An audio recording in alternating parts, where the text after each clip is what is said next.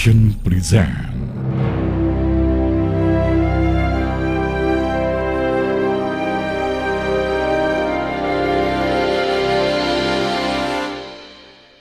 Assalamualaikum warahmatullahi wabarakatuh. Halo adik-adik, apa kabar semuanya? Semoga adik-adik selalu dalam lindungan Allah dan juga dalam keadaan sehat walafiat ya. Amin. Adik-adik, hari ini kita lanjut ya belajar mengaji lagi. Hari ini kita akan belajar ikro yang kedua yang akan ada penambahan satu huruf lagi dari ikrok satu yang kemarin ya. Dan perlu diketahui lagi ya adik-adik bahwa huruf hijaya itu terdiri dari 28 huruf. Dan tentunya nanti akan kita pelajari bersama-sama. Kalau begitu kita mulai saja ya adik-adik. Tapi sebelumnya kita berdoa dulu ya. A'udzu billahi minasyaitonirrajim. Bismillahirrahmanirrahim. Robbi sidni ilma warzukni fahma waja'alani minas sholihin Sodakallahul adim Bismillahirrahmanirrahim. Ba ta a ta ba. Ta ba a. Ta a ba. A ba ta. Ba ta a. A ta ba. Ta a ta ba a ta a ta ba ta ta a a ba ta A ba ta. Sodakallahul adim. Nah, gimana adik-adik? Sudah bisa belum? Yang baru saja kita pelajari adalah ikrok yang kedua.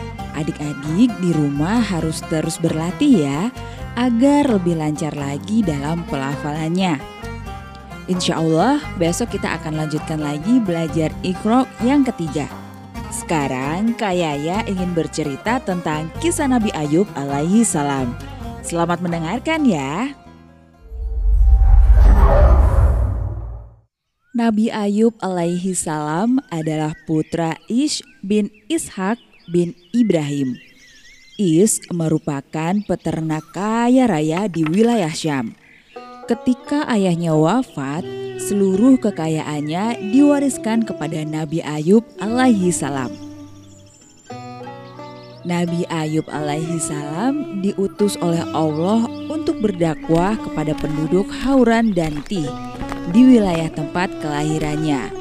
Nabi Ayub alaihissalam dikenal sebagai orang yang pandai, sopan, bijaksana, dermawan, dan suka menolong orang-orang yang membutuhkan. Selain itu, beliau banyak membangun sarana peristirahatan dan ibadah untuk para musafir. Selain itu, Nabi Ayub alaihissalam dikenal memiliki kepribadian yang menawan, pandai bersyukur, dan senantiasa menghiasi tutur katanya dengan zikir. Dan yang paling penting, beliau tidak pernah meninggalkan perintah Allah. Hmm, hayo, adik-adik, sikap Nabi Ayub alaihissalam patut dicontoh ya. Harus terus menjalankan perintah Allah. Hal tersebut membuat iblis iri. Ia ingin menggoda Nabi Ayub agar terjerumus dalam dosa.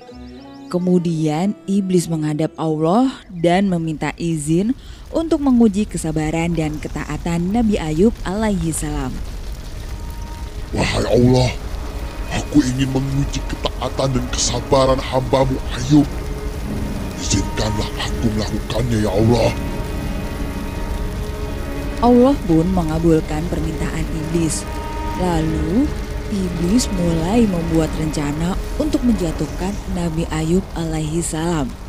Berbagai cara telah disusun. Iblis dan kelompoknya mulai melancarkan aksi pertamanya. Dalam waktu singkat, semua hewan ternak Nabi Ayub alaihissalam mati ditimpa penyakit yang aneh. Rumahnya pun tiba-tiba hangus terbakar.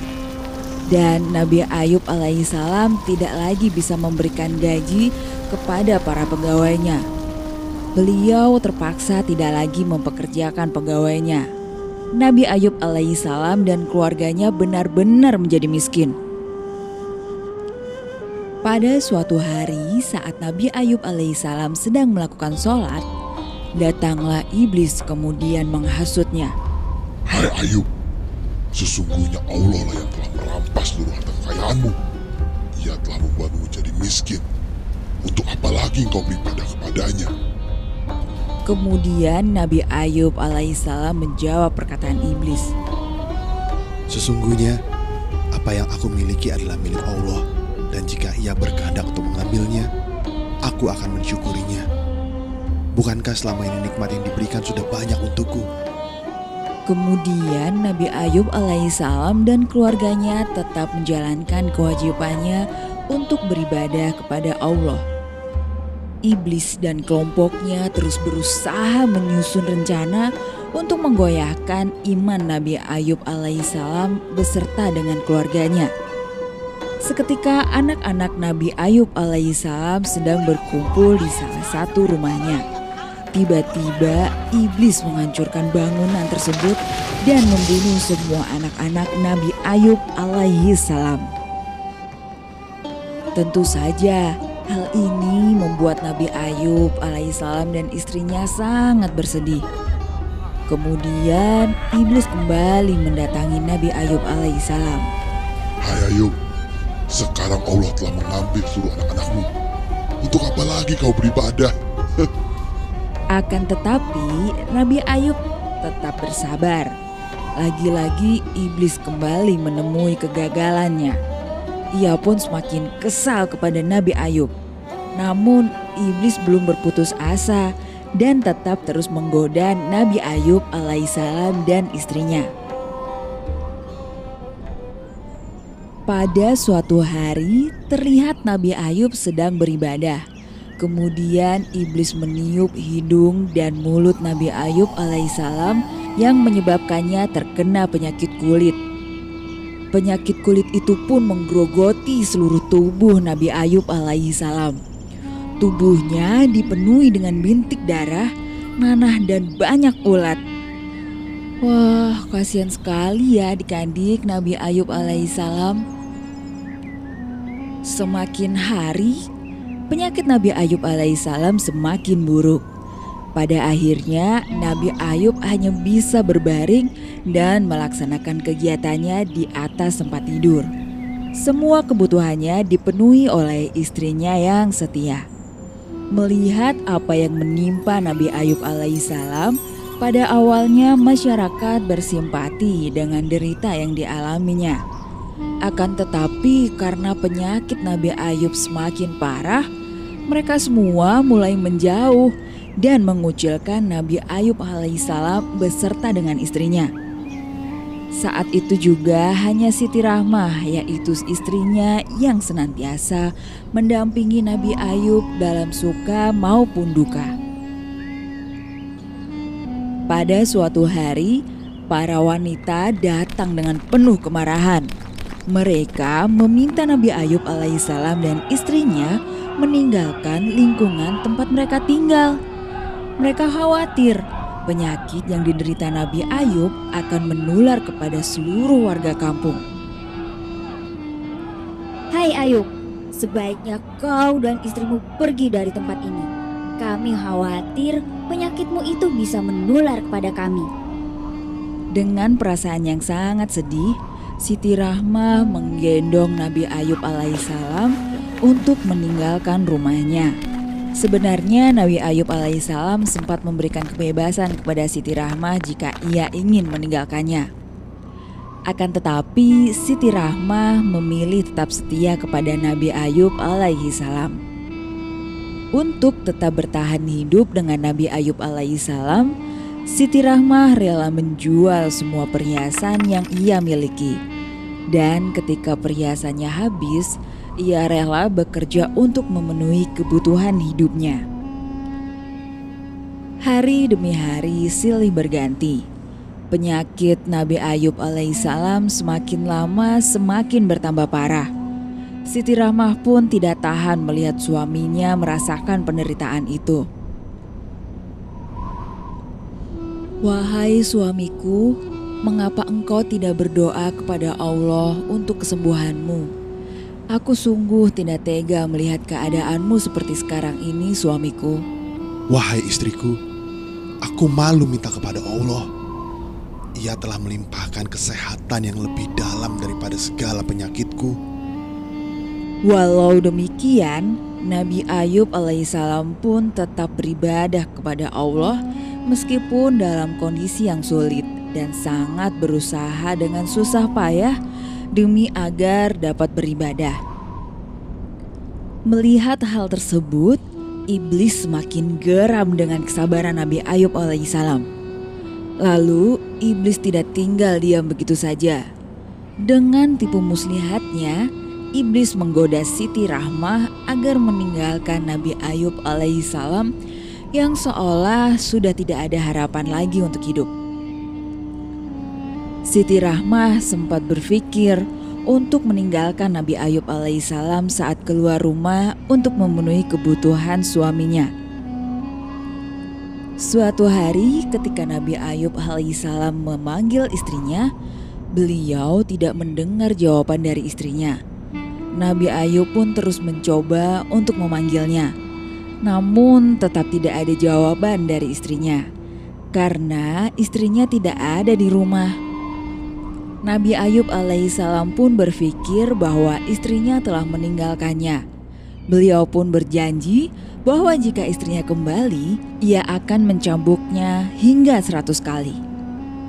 Kemudian Nabi Ayub alaihissalam berdoa kepada Allah untuk memohon kesembuhan dan Allah pun mengabulkan doanya.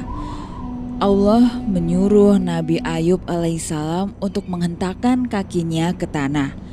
Lalu Nabi Ayub pun menghentakkan kakinya ke tanah dan tiba-tiba keluarlah air yang sangat segar dari tanah tersebut.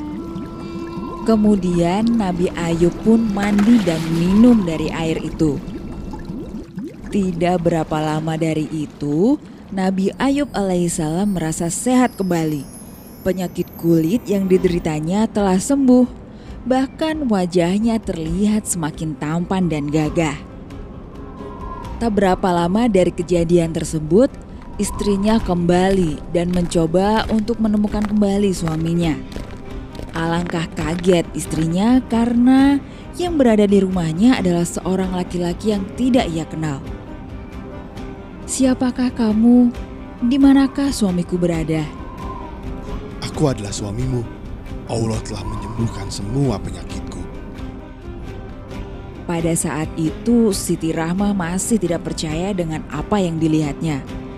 Akan tetapi, di satu sisi ia bahagia dengan keadaan suaminya yang sekarang. Ia pun kemudian berlari di hadapan suaminya untuk meminta maaf. Ia merasa bersalah karena sempat berniat untuk meninggalkan suaminya. Dengan sabar, Nabi Ayub alaihissalam memaafkan istrinya. Tapi karena Nabi Ayub alaihissalam telah berjanji untuk mencambuk istrinya apabila kembali, beliau pun memberitahukan perihal tersebut pada Siti Rahmah. Dan Siti Rahmah pun ternyata tidak keberatan untuk menerima hukuman tersebut. Sebelum Nabi Ayub alaihissalam menghukum istrinya, Allah memerintahkan Nabi Ayub untuk mencambuk istrinya dengan seratus helai rumput. Kemudian Allah memberikan imbalan kepada Nabi Ayub alaihissalam karena telah bersikap sabar dan tabah dalam menghadapi ujian. Lalu Allah mengembalikan kekayaan Nabi Ayub alaihissalam. Meski menjadi kaya kembali, Nabi Ayub tetap baik hati dan suka menolong.